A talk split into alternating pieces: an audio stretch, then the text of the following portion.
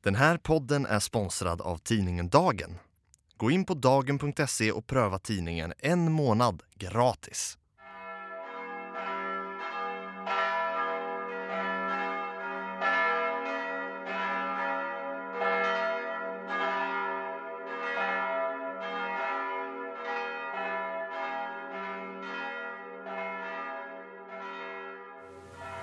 Välkommen till ytterligare ett avsnitt av Gudgubbar. Och idag så sitter vi faktiskt inte i en studio utan ute på Skara stift i ett kontor. Kan du berätta Andreas vad det är vi ser? Vi eh, befinner oss alldeles intill den fantastiska domkyrkan i Skara. Eh, vi träffar eh, idag Åke Bonnier som är Nybliven. Ny, alldeles nybliven biskop här sedan bara några månader tillbaka.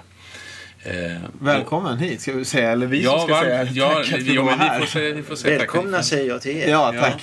Härligt, för, härligt att vara i, i Västergötland. Jag eh, råkar ju vara eh, västgöte av blodet. Även om jag aldrig har bott här så är ju både, både min mor och min far har rötterna alldeles i området. Så att så fort jag hör lite västgötska här på, på stan i snötäckta Skara idag så blir jag alldeles Och, och det är lite roligt så att eh, och, eh, du- och jag har ju träffats eh, tidigare när jag jobbade på Dagen. Just det. Och det var faktiskt ett av mina första eh, jobb, i alla fall porträttjobb som jag gjorde. Eh, gjorde jag på dig, eh, på ditt förra kontor. Ja, vi möts på kontoren. Ja, precis. För det, där på, i, I Stockholm, vad säger man, dom, församling? Domkyrkoförsamling. Domkyrkoförsamling, precis. Där du har, har varit domprost i, hur många år är det? Sex år var jag domprost. Från det. 2006 augusti till, 20, till 2012 augusti. Just det. Och då får man ändå säga grattis här nu, för att du är alldeles nybliven eh, biskop här i Ja. Skara. Hur många månader är du? Jag vigdes den 26 augusti i Uppsala domkyrka och sen togs jag emot i Skara domkyrka 1 september. Ja, Just det, det är ju väldigt eh, Så nytt. det, det är väldigt nytt Ja. verkligen. Hur känns det? Fantastiskt. Helt otroligt. Jag Ja. har så roligt och jag har så underbara medarbetare och möter sådana fantastiska människor. Hur har det varit rent eh, privat att ställa om från stora Stockholm till lilla Skara? Det har varit en väldigt spännande resa på många olika plan. Eh, Det, har ju, det är ju en fysisk resa eh, att flytta ifrån Stockholm där jag bott i 54 år eh, till Skara och känna att nu är det Skara som är mitt hem. Det är också en eh, sorts inre resa att göra. Eh, Jag har alltid sett mig själv som stockholmare beroende på också att min släkt är stockholmare sedan mitten på 1800-talet. Eh, Och att nu plötsligt känna att ja, men det är klart att jag är stockholmare, jag kommer alltid vara stockholmare på ett sätt. Men jag är västgöte nu. Eh, nyinflyttad, nybliven. Eh, och jag känner väldigt mycket vi med eh, Skara stift. Det gjorde jag egentligen omedelbart efter utnämningen i mars. Så kände jag, ja men det är ju mitt stift. Jag blev avtackad, eller rättare sagt jag blev gratulerad av eh, kontraktsprosten i kontraktet i Stockholm eh, där jag, i det kontraktet som jag tjänstgjorde. Och då sa jag att det är underbart att ha fått tjänstgöra i det bästa kontraktet i det näst bästa stiftet. Sa jag då redan bara efter några veckor efter utnämningen. Eh, och eh, ja, nej, men jag känner väldigt mycket vi här. Vad härligt. Väldigt härligt. Eh, Vi ska ju nämna, du nämnde din släkt, det ska vi också göra. Du heter Bonnier. Det betyder att eh, det, det gör att människor omedelbart associerar till vissa saker. Den stora mediekoncernen Mm. i vilken du också är en av de största ägarna. Och vilken du är anställd i. Och vilken jag är anställd i här som, som själv, eh, reporter. Ja, i någon mening. Jag är ju alltså eh, kulturreporter på Sydsvenskan till vardags, även Ja, om jag ja. just nu är ledig för att göra lite andra saker. Ehm, så att så är det ju absolut. Och jag har jobbat i olika Bonnierföretag. I, jag har ju tidigare varit både på Dagens Nyheter och på Expressen. Så att jag har verkligen jobbat eh, i koncernen. jag. I- Jag är ju anställd, håller på att säga, jag har kontrakt hos Dagens Nyheter Mm. eh, och, och Expressen. Så vi är båda ägda av dig, vad fint. men, men det, Det är är därför så- jag törs sitta och prata med er. Ja, men precis. precis. Nej, men anledningen till att vi... Det är ju naturligtvis en, en spetsig fråga. Vi vill, som dagens, dagens tema i programmet, eh, ska vara mammon. Gud och pengar, hur man förhåller sig till detta. Och då har vi ju fräckheten att närma, sig, eh, närma oss just, just dig. För du har en personlig förmögenhet som människor uppskattar till att vara någonstans i storleksordningen 2 miljarder kronor. Väldigt mycket pengar. Nu är det så här, när det gäller den här typen av mediainformation, och det här borde herrarna känna till eh, så gör man olika beräkningar och räknar gärna så högt som möjligt. Ja, det är vi ju Så vad, väl vad, man, medvetna om. vad man har gjort är att man har gjort värderingar utav Bonnierkoncernen i sin helhet. Och delat upp på delat upp det här på aktieägare och delägare och sett att jag är en av de största och det är jag onekligen.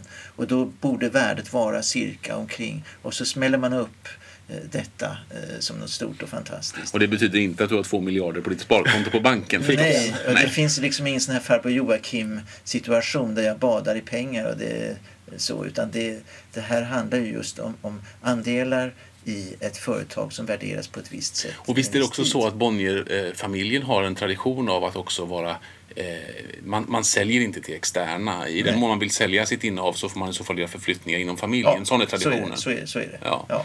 Så att, att realisera det här ägandet i, i ett sparkonto är inte gjort i en handvändning. Man Nej, då gäller det att ha eh, släktingar som säger att ja, men vi vill köpa. Mm. Och då, finns varje, då har varje andel ett värde. Men oavsett det så är det ju ändå så att eh, du, du har ju du, du har ju såklart ansenligt jämfört med oss så har du ju eh, eh, mer pengar. Och det som jag är väldigt fascinerad av och som jag pratade med dig en gång tidigare om. Eh, det är kanske inte just lösöresumman utan det valet som du en, eller som man tänker faller sig ganska naturligt och som för dina syskon i Bonnierfamiljen har fallit sig ganska naturligt.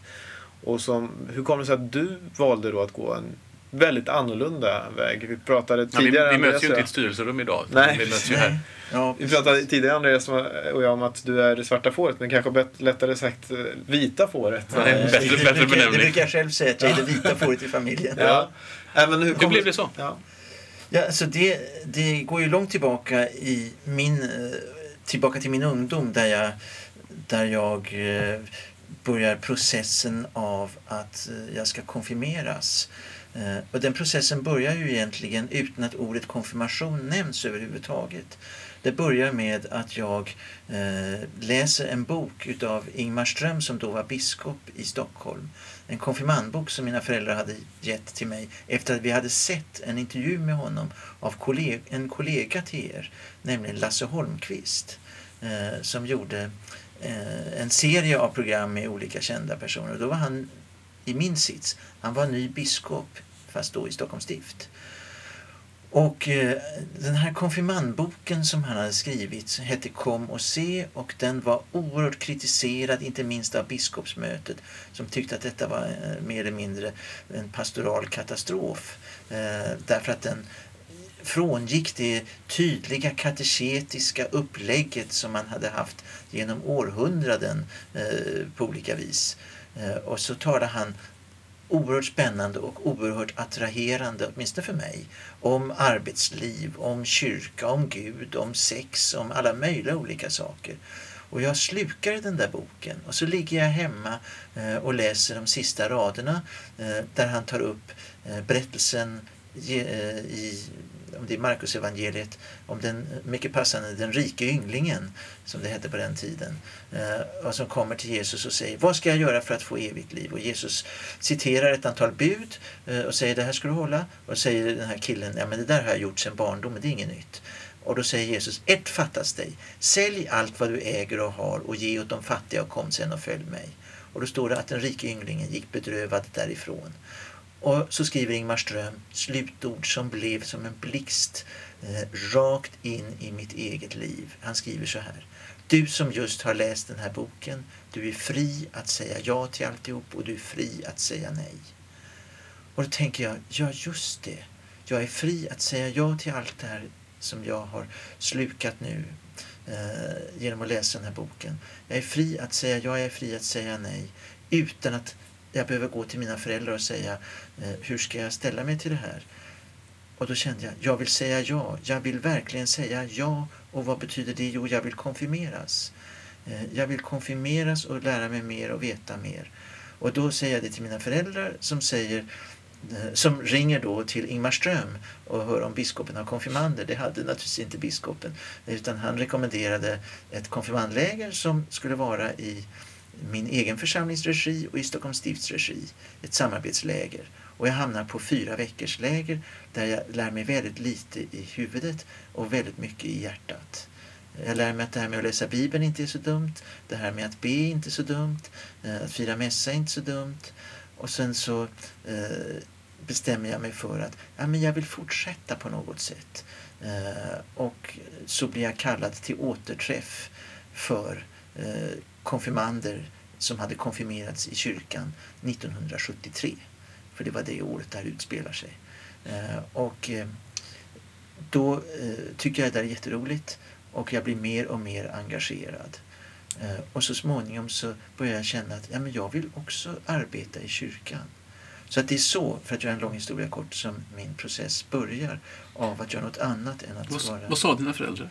Alltså när jag kommer hem då och säger jag vill bli församlings, eh, ungdomssekreterare hette det på den tiden, då hette det församlingspedagog.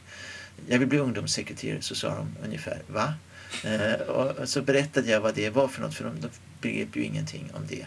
Eh, och då sa jag jag kommer att gå i så fall två år på folkhögskola eh, och då fanns det någonting som hette Riksförbundet Kyrkans ungdom som eh, drev den här utbildningen i Sigtuna. Och då var budskapet eh, eh, till mig att det är väl bra. Det är okej. Okay. underförstått, tills du gör något annat. Och då går jag iväg glad i hågen och tänker jag ska bli ungdomssekreterare. Och sen vandrar jag hemåt en kväll ifrån vår KU-träff, som det heter, Kyrkans ungdomsträff. Eh, och så har jag eh, samtal med en god vän som just har börjat läsa teologi. Och jag går i första ring i gymnasiet och han säger, vad ska du göra med resten av ditt liv? Och det är naturligtvis en väldigt tidigt att få en sån fråga. Normalt sett kan man inte svara på det, men jag kunde då säga, jag ska bli ungdomssekreterare. Och då säger han till mig, varför det? Jo, jag vill arbeta i kyrkan och jag vill arbeta med ungdomar i kyrkan. Och då säger han livsavgörande ord till mig. Han säger så här. Varför blir du inte präst istället? Då kan du också arbeta med ungdomar. Och då säger jag, ja, varför blir jag inte präst istället? Och så går jag tvärs över gatan eh, upp till mina föräldrar och säger, jag ska bli präst. Vad säger de då? Och då säger de ingenting. Eh, de, eh, vad jag förstår efteråt, vad de har berättat var att ögonbrynen höjdes en aning. Eh, men de har alltid haft en fantastisk förmåga att se saker ur sitt eget perspektiv och försöka inkulturera något nytt i deras sätt att förstå. Eh, och det gjorde de också denna gång. Eh, så att de sa att vad handlar nu detta om? Jo, gossen ska läsa teologi. Vad är teologi? Ja, men det är ju humaniora. Ja, men humaniora står ju högt i kurs hos oss. Eh, och så Det liksom vad fick de in med, ja. detta. Vad sa du? Ja, det vad vi sysslar med. Ja, just det. Ja, precis. Och visst är det så, nu får du rätta mig om jag har fel, men din far Gerhard, Ja. han har varit borta i 25 år i alla fall. Men visst är det så Ja. att din mor fortfarande lever? Min mamma lever fortfarande. Och nu så kan hon då till sin förvåning konstatera att pojken blev biskop. Ja, det, för mig har den här, sen har liksom resan varit väldigt lång eh, av naturliga skäl. Eh, dels fick jag ju mycket stöd av mina föräldrar under min studietid. Inte minst pappa och jag hade många roliga diskussioner. Eh, och eh, så småningom prästvigdes jag och de var kolossalt stolta och glada. Och sedan så har min mamma följt mig och hon har sagt saker till mig som har varit betydelsefullt. Det finns en sak som jag ofta citerar som jag tycker är så bra och som i och för sig inte längre stämmer på mig. Men hon sa så här, eller det stämmer också. Hon sa, det är inte säkert att man behöver göra en yttre karriär. Det viktiga är att man gör en inre karriär. Mm. Och det där tycker jag är oerhört starkt uttryckt. Att få växa till sin invärtes människa. Sen har jag gjort en yttre karriär. Eh, Jag har haft i, jag blev så småningom präst i Lidingö församling där jag var i 20 år. Och då var jag eh, jag hade, innehade alla tänkbara församlingsprästtjänster där. Så jag vandrade liksom hela vägen. Karriärstegen skulle man kunna säga. Och så blev jag domprost. Eh, och nu är jag biskop. Så att visst har jag gjort en yttre karriär. Men jag tror och hoppas, och eh, det är min stilla bön, att jag också har gjort en inre karriär. Vad, vad sa... Eller man, bakgrunden är ju, som jag vet inte om du nämnde, att ingen av dina eh, i din familj är då, i alla fall vad jag vet, bekännande kristen idag. Vad, vad säger de? Eh, eller vad sa de då? Vad säger de nu? Och, det måste ju vara väldigt udda att du inte bara väljer en annan karriärmässig väg oavsett om det är en inre eller yttre karriär då. Utan också har valt en tro som är väldigt annorlunda. Ja, de är ju, var nog från början en liten aning överraskade. min närmaste bror, jag har två bröder och en syster. Och min närmaste bror och jag, vi bodde hemma samtidigt och eh, älskade och slog ihjäl med samma varma själ. Eh, och vi hade också lite diskussioner och jag slängde lite bibelord i huvudet på honom på ett synnerligen opedagogiskt sätt. Eh, och eh, han trodde nog att det var med min kristna tro som med mitt akvarieintresse att det skulle gå över. Eh, men det gjorde det ju inte. Och eh, det talades inte särskilt mycket om det hela. Och, eh, så. Sen har de, är de naturligtvis, tror jag, eh, glada över mitt val och, och kanske inte riktigt förstår eh, båda, eh, eller min närmaste bror och min syster har båda lämnat Svenska kyrkan. Min äldsta bror är med i Svenska kyrkan. Men inte på något sätt eh, aktiv eller engagerad. Eh, Om vi ska föra oss tillbaka lite grann mot, mot det som är vårt tänkta tema för dagen. Så eh, vad säger Bibeln oss om rikedom? Ja, det, man kan läsa bibeltexter på alla möjliga olika sätt. Rikedom kan ses som ett uttryck för, för eh, framgång och, och Guds välsignelse. Jag tror att det är jag tror att det man, oavsett vilka texter man håller fram, så handlar det om hur ska jag hantera det här? Vad är det jag har fått? Vad är det jag har? Eh, Vad är mitt uppdrag i det här? Hur ser min kontext ut? Eh, I vilket sammanhang är jag insatt? Och vad gör jag med det jag har? Ungefär så, tror jag. Men hur rik kan en präst vara? Hur rik som helst och hur fattig som helst beroende på vad man gör av det. Och vad är det då som man bör göra? Går det att säga någonting om det? Ja, det beror på. Vad, alltså, I mitt fall så är ju det här ett arv. Det är inte så att jag har gjort smarta affärer. Det är klart att jag har haft, har- har människor runt omkring mig som förvaltar det här åt mig. Jag är ganska okunnig inom området måste jag säga. Men jag har, det finns folk som, som har till uppgift att förvalta det här och de måste göra kloka affärer på olika vis. Men inom ramen för, när det gäller, när det gäller aktieaffärer och så, inom ramen för de etiska regler som gäller i Svenska kyrkan. Det är jag oerhört mån om och har också sett till att de har de reglerna. och Så. Eh, men eh, det är ett arv ifrån min pappa, ifrån min farfar eh, som i sin tur har ärvt. Eh, det börjar ju med, med den gamle Albert Bonnier. Eh, egentligen började det med den gamle Gerhard Bonnier på, som flyttar från, från Dresden på 1700-talet, kommer till Köpenhamn, startar bokhandel och sänder sina söner till Stockholm eller till Sverige. Men det här arvet det har då förmerats och gått i arv och man, barn ärver sina föräldrar i vår släkt i, i hög utsträckning. Också redan under, man, man överför andelar redan under barnets, eller föräldrarnas levnad. Eh, och det gjorde då att jag tidigt hade en ganska stor förmögenhet som sen har växt på olika vis. Och Hur, hur tidigt tog du styrelseansvar? jag har nästan aldrig tagit något styrelseansvar inom Bonnierkoncernen. Jag har suttit i Bonniers familjestiftelse. Det är det närmaste styrelselivet jag har kommit. Vad, vad är det? Det är... eh, Bonniers familjestiftelse är en stiftelse som ska värna familjens goda namn och rykte i samhället okej. och sysslar med, eh, med att ge bidrag till olika sammanhang. Okej. Så det är där jag har haft, känt att jag också haft en uppgift att fylla. Jag tror inte så våldsamt mycket på att man ska sitta som eh, eh, person i en styrelse bara för att man är delägare. Man ska sitta där för att man är kunnig och duktig. Sen kan man dessutom vara delägare. Men jag är inte kunnig och duktig på detta. Eh, Det är andra av mina släktingar som är det och jag är mycket tacksam att de sitter där och inte jag sitter där.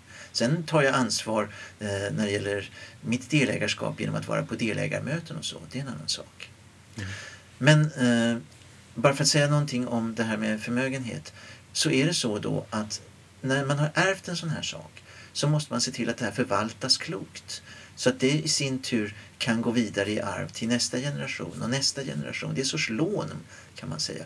Sen kan man också säga att ja men visst, eh, jag har eh, en förmögenhet och jag, jag har möjlighet att göra saker som andra kanske inte har möjlighet att göra på samma vis. Så är det och det vill jag inte sticka under stol med. Och det har jag och mina syskon utnyttjat på olika vis. Inte minst för att stötta olika kultursaker och så. Men hur... eh, Kan man säga någonting om vad som är den rimliga, det rimliga moraliska gåvoåtagandet då? Alltså du måste ju då på något sätt vikta mot din teologiska hemvist och så har du ett ansvar mot familjen och sen så har du en förmögenhet som gör att du har andra möjligheter som du säger. Mm. Hur mycket måste du ge bort? Det finns inget du måste ge bort 25% 50% 75% Utan det handlar om vad gör du av dina pengar? Var har du ditt fokus någonstans? Vad är det viktiga för dig? Svara på, gärna på de frågorna för egen del. Vad, vad gör du? Vad är det viktiga för dig? För mig är det viktiga då att kunna se att jag kan göra insatser, rent faktiskt, jag kan göra insatser eh, som jag tycker är viktiga att göra. Det handlar väldigt sällan om saker på individnivå. Jag har fått förfrågningar, många förfrågningar, inte minst efter ett tv-program där jag var med. Så skrev folk och vad jag då inte visste om folks olika svårigheter, det var inte värt att veta. Eh, men det handlar... Tiggarbrev helt enkelt. Tiggarbrev, ja precis. Mm. Men det, det, funkar inte så. Utan jag går in och stöttar eh, olika humanitära saker. Jag går in eh, genom kyrkans kanaler, genom andra kanaler. Eh, och är med. Eh, jag slår inte på trumman för det här, jag säger inte så mycket om det, utan det bara är så. Men många vet naturligtvis om att det är på det här sättet också. Tror du att du i någon del eh, behandlas annorlunda som kyrkoföreträdare eftersom folk har vetskap om att du har den här situationen? Väldigt svårt att säga. Jag hoppas att jag ska behandlas för den jag är snarare än för vad jag har. och att folk ska känna att, att jag står för saker som man tycker är positivt att jag har en teologisk hållning som man tycker är positiv. Eh, det skulle jag önska snarare än att det är positivt att jag råkar ha si eller så mycket pengar. Om vi tar ett steg bort från, från dig och diskuterar det här i, i mera allmänna termer. Mm. Vad skulle du säga att du, eller hur ska jag formulera det? Vilken typ av vardagliga teologiska problem möter man som har att göra med Gud och mammon. Alltså girigheten som kraft till exempel. Gåvan som kraft. Detta är ju mm. centrala existentiella frågor. Girigheten som kraft är ju en ganska ruggig kraft. Och jag kan tänka att eh, för många är det så, ju mer man har, ju mer vill man ha. Jag tycker att jag har stött på det här i vissa sammanhang. Eh, och jag blir alltid illa berörd av det. Jag tycker att ibland när Eh, ja, när, när materialismen tar överhanden eh, så kan jag känna hjälp eh, så ytligt. Och ofta är det så att när det, när det, eller om det spricker i en människas liv, då hjälper inte det materiella. När en relation knakar eh, eller man eh, har drabbats av att någon nära och kär har avlidit mycket hastigt och olustigt. Då hjälper inte vilka fina bilar och båtar och hus och grejer du har. Eh, det hjälper verkligen inte utan det är annat då som bär. Jag, jag tänker också att det är annorlunda just med mammon och, och med, med, pengar och vad det gör med människor utifrån hur man har fått, som du pratade om tidigare, hur man har fått sin förmögenhet. Alltså att, eh, jag pratade i tidigare avsnitt om Benny Hinn, en sån här predikant som åker runt och har massa kampanjer. Och jag minns hur långt hans kollektmöte var, liksom, eller kollekttal, alltså samla in pengar-tal bara för att liksom öka sin egen inkomst. Det var så tydligt att han åkte runt just för att samla in pengar. Och där blev det ju verkligen, då blir mammon någonting som var, alltså var så påtagligt som drivkraft. För dig är det ju, kan det ju orimligtvis vara så till exempel, och att, att du drivs av pengar. För att det har du redan om det hade varit det som var din drivkraft så hade du haft tusen möjligheter inom Bonniersfären och sådär. Och att det är det som gör eh, skillnaden för mamman. Men, men känner, finns, det, finns, finns det andra saker, jag utgår ifrån, om man nu går tillbaka till din person, att, att frågan har rivit och slitit i dig. Du pratar själv om, om det du läste där och jag vet inte hur gammal du var, 15 år kanske? Ja, ungefär så. Ja. Och från den här Ingmar Ströms ord om att, eh, att du antingen kan tacka ja eller tacka nej och sådär. Och det måste ju ha rivit och slitit i dig eh, med, med åren. Alltså vad, vad gör det med mig, de här pengarna? Eller vad, vilket ansvar för det med sig? Och så. Har du det? På ett sätt har det det. Faktum var att när jag var liten så talade vi inte så mycket om det här med ägandet. Jag förstod inte det, att jag var så här rik förrän Eh, Aftonbladet hade en artikel om en av mina syskon eh, och där det då talades om Sveriges rikaste tonåring och sånt där. Eh, då plötsligt gick det upp för mig. Men fortfarande förstod jag inte sen eh, att inte väldigt många hade det som jag, eller vi hade det. Jag trodde det i min enfald. Och det var väl min väldigt skyddade uppväxt och min väldigt skyddade skolgång som gjorde att jag eh, hade, mitt sociala nätverk var väldigt begränsat om man säger så och därmed min sociala kunskap också. Ehm, så att det rev inte och slet inte så mycket. Kanske snarare sen då. Eh, vad innebär detta? Eh, vad innebär det att sälja allt vad man äger och har? Handlar det om att jag ska sälja hela min aktieportfölj och ge till något lämpligt, någon lämplig organisation, Svenska kyrkans internationella arbete eller något liknande? Eh, sälja alla mina andelar till eh, vänliga släktingar som vill köpa eh, och ge bort alla pengarna. Men är det rätt? Är det att förvalta det arv som jag har fått? Som, som mina, min pappa och, och ännu längre tillbaka har arbetat fram för att jag skulle på något sätt formera, förmera och, och eh, använda mig utav på olika vis. Jag är inte säker på det. Vad betyder då att sälja allt vad man äger och har? Kan det handla om andra typer av uppbrott? Eh, kan det handla om annat? Eh, och så försöker jag förstå det i mitt liv. Eh, ett sätt i den mycket lilla skalan är ju att, göra någon, att plötsligt bryta upp från den normala strukturen och gå in i någonting helt nytt. Som att flytta till Skara? Till som att flytta till Skara, som att säga ja till att bli biskop och göra någonting helt nytt i livet. Som verkligen är att bryta upp från det gamla. Jag vill prata lite grann också, jag var inne på det bara som hastigast, men jag vill komma tillbaka till, vi talade lite om girighet, men jag är nyfiken också på gåvans kraft och gåvans plats. Att ge är en väldigt central del av det kristna. Hur ser du på detta och hur talar du om det när du talar i kyrkan? Jag talar ju om vikten av att ge av de resurser man har, att dela. Det finns ju naturligtvis en sorts dubbel-win i det hela. Ett win vi gärna talar om och ett win vi inte så gärna talar om. Det vi gärna talar om det är förändringen som sker när vi ger. Eh, det är jättebra om du ger si så mycket i kollekten därför att det möjliggör för dem och dem att göra det och det. Och bäst är det när vi kan tala om efter en kollektinsamling. Vi har idag köpt sex och en halv ko i Indien därför vi fick in si så mycket pengar. Det är ett roligt sätt att räkna också. När vi ger det här så, så är det möjligt för andra människor att bli vaccinerade, att få sina kor, att få nya brunnar och sånt där. Det är win. Men sen finns det ett annat win som jag tror vi talar för lite om därför att det är lite skämmigt. Och det är den egna känslan. Hur mår jag när jag ger? Jo, jag mår lite bättre. Jag mår, det är inte så dumt det här med att ge. Varför mår vi bättre när vi ger? Därför att vi, vi känner oss lite glada, lite stolta, eh, lite ja, det, det, det sätter igång olika endorfiner eller vad det heter inom oss av välbehagskänsla. Så är det väl en kristlig gärning också för en troende person? Ja, och när du, om du säger så, så är det väl en kristlig gärning. Så säger den kristne, mm, det har du alldeles rätt i. Mm. eh, och så är vi tillbaka till välmåendet. Det. Eh, och det här talar vi väldigt lite om.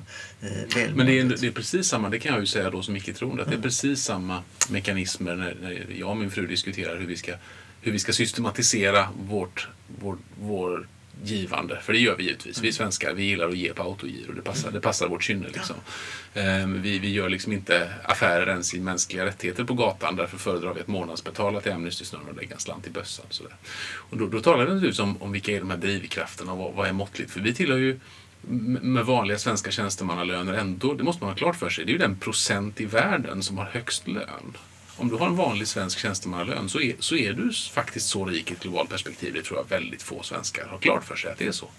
Men så är det ju. Och vad, vad är då rimligt? Vad är, vad är lagom mycket? Och vad är det som är drivkraften för oss när vi ger? Och vad ska vi i så fall ge till? Och hur ska vi känna att det, de pengarna används på rätt sätt? Och vilken skyldighet har vi att spara till våra barn? Vilken skyldighet har vi att hjälpa andra barn? Det är precis samma Eh, grundläggande frågeställningar som man, som, som man ställer sig. Det är precis samma belöningssystem som är aktivt även utanför kyrkan för den, för den som väljer att ge det, tror jag. Det låter som en fullständigt överförbar erfarenhet. Ja, absolut, så är det. Jag menar, vi är inte... Vi är människor tillsammans. Eh, jag brukar säga det är lite utmanande också, att det finns egentligen väldigt lite kristen etik. Eh, och det, det, det är precis samma sätt att resonera. Det finns väldigt lite kristen etik. Fast vi talar gärna om kristen etik och använder det begreppet. Men i verkligheten handlar det om alldeles vanlig mänsklig etik. Eh, det finns, brukar jag säga, finns en stor eh, etikhög, jättehög, till vilken vi kommer från olika håll. Du kommer från ditt håll som är kanske mer eh, ett icke-troende håll. Eh, jag kommer från mitt kristna håll, Emanuel också kanske. Eh, någon, eh, min judiske vän kommer från sitt judiska håll, min muslimske vän från det muslimska hållet. Och så går vi till etikhögen och tar samma typ av etik och går iväg glada i hågen och säger det här är typisk judisk etik, typisk muslimsk etik, typisk kristen etik, typisk kritik, helt enkelt. Eh, och, så att det, det bara handlar om att vi, vi kommer med våra olika förståelser. Vi kommer med våra olika sätt att eh, förklara samma fenomen fast ur olika perspektiv. Resultatet blir förhoppningsvis detsamma, nämligen ett gott resultat om vi lever den här etiken. Sen finns det en liten, liten hög bredvid med en liten skylt där det faktiskt står kristen etik. Men den är rysligt liten den högen och den innehåller egentligen bara två saker som skiljer oss ifrån andra. Och det är Jesu utmaning eh, och som verkligen är en utmaning. Jag tror att det är få kristna som lever det eh, konkret. Eh, eller åtminstone få som verkligen gör det genomtänkt. Och det Jesus säger Älska dina fiender och be för dem som förföljer dig. Det är typisk kristen etik. Den är svår att hitta i andra typer av religioner. Och den är också svår att hitta i ett totalsekulariserat sammanhang. För varför ska man älska sina fiender? Mm. Jag, jag, jag funderar lite när vi pratar om, om de här grejerna att det kan bli nästan orättvist. Jag, jag, jag tänkte på det när vi pratar om att det så väldigt, väldigt mycket frågor om rikedom och sådär på dig. Men jag är inne på det du säger Andreas. Alltså, jag skulle ju aldrig ifrågasätta min egen rikedom. Att jag inte säljer allting. Och, eh... I ett globalt perspektiv så är problemet faktiskt väldigt likt. Alltså, ja, ja, men jag tänker det måste, också. måste man ha klart för sig. Det, det, det, det tror jag inte vi tänker på tillräckligt mycket. Nej, och jag, tänk, jag, jag spenderade ett drygt, eller ett knappt år i, i Zambia till exempel. Och levde under ganska fattiga förhållanden där och volontärarbetade. Och då kanske många gånger tänker varför säljer jag inte allting? Eller varför ger jag inte upp allting och, och, och bosätter mig där och, och hjälper de som verkligen behöver eh, mina pengar. Liksom. Jag skulle så lätt kunna få pengar för att verkligen kunna betyda någonting för, för andra. Och man skulle ju såklart kunna börja prata om att den som har mer pengar kan alltid göra mer och sådär. Men kan du känna att det blir orättvist? Jag vet inte, är den här frågan ständigt aktuell för dig Åke? Är det så att, man, att det pratas mycket och att du tycker att du får orättvist mycket fokus just på din förmögenhet? Att alla sitter på samma förmögenhet? Nej, men jag, jag, förstår detta. Jag är biskop i Svenska kyrkan mm. Eh, och jag har en förmögenhet som är större än eh, andra människors förmögenheter kanske. Eller, ja, om man jämför med, med många andra affärsmän så är jag Eh, betydligt mindre förmögen mm. naturligtvis. Men det här är nog ovanligt i kyrkans sammanhang. Jag kan förstå att man ställer de här frågorna. Eh, att det här kan bli ett samtalsämne med mig. När jag intervjuades i den offentliga hearingen, det är klart att då kom den här frågan upp också. Vad sa man där då? För då är det alltså, då är det alltså människor inom kyrkan som ska välja eller inte välja? Ja, just det. Som, som... Och då var ju frågan, eh, vad, vad, säger jag om att jag är så rysligt rik? Mm. Det var väl ungefär kontentan i själva frågan.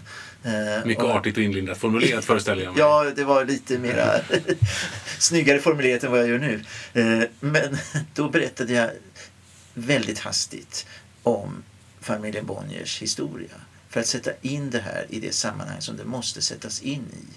Och sen sa jag, jo det är så. Jag och mina syskon, vi är förmögna. Så är det. Och det är eh, mitt sätt att hantera det hela tror jag. Det är så här. Face the fact. Det är så. Hur lever jag med det här nu då? Jo, jag, jag gör si, jag gör så. Jag hanterar det si, jag hanterar det så. Och jag tror att jag gör det på ett hyggligt klokt sätt. Uh, och sen i slutänden så är det väl inte någon här som ska döma mig utan det är Gud själv. Och jag får säga som Desmond Tutu, den sydafrikanska ärkebiskopen en gång sa Thanks God I'm not God. Det, den tanken har eh, slagit mig också även för egen del. Jag tycker att det verkar både svårt och betungande. Jag är däremot väldigt tacksam över att jag är en av programledare för den här eh, poddradiosändningen. För det är verkligen en glädje att få göra den. Eh, eftersom vi inte sa det. Jag heter Andreas Ekström vid min sida, Emanuel Karlsten. Nej, det sa vi inte. Det får vi göra nu. Ja, det får vi göra nu. Eh, och framförallt mitt emot oss eh, här i eh, stift, på stiftskansliet i Skara, Åke Bonnier, nybliven biskop. Varmt tack för att du tog dig tid att ta emot oss för detta eh, spännande samtal. Jag hoppas att diskussionen fortsätter här och på andra ställen. Tack så mycket. Roligt med detta. Vi ses nästa gång då. Det gör vi. Tack, hej. Podden du precis hörde är sponsrad av tidningen Dagen. Gå in på dagen.se och pröva tidningen en månad gratis.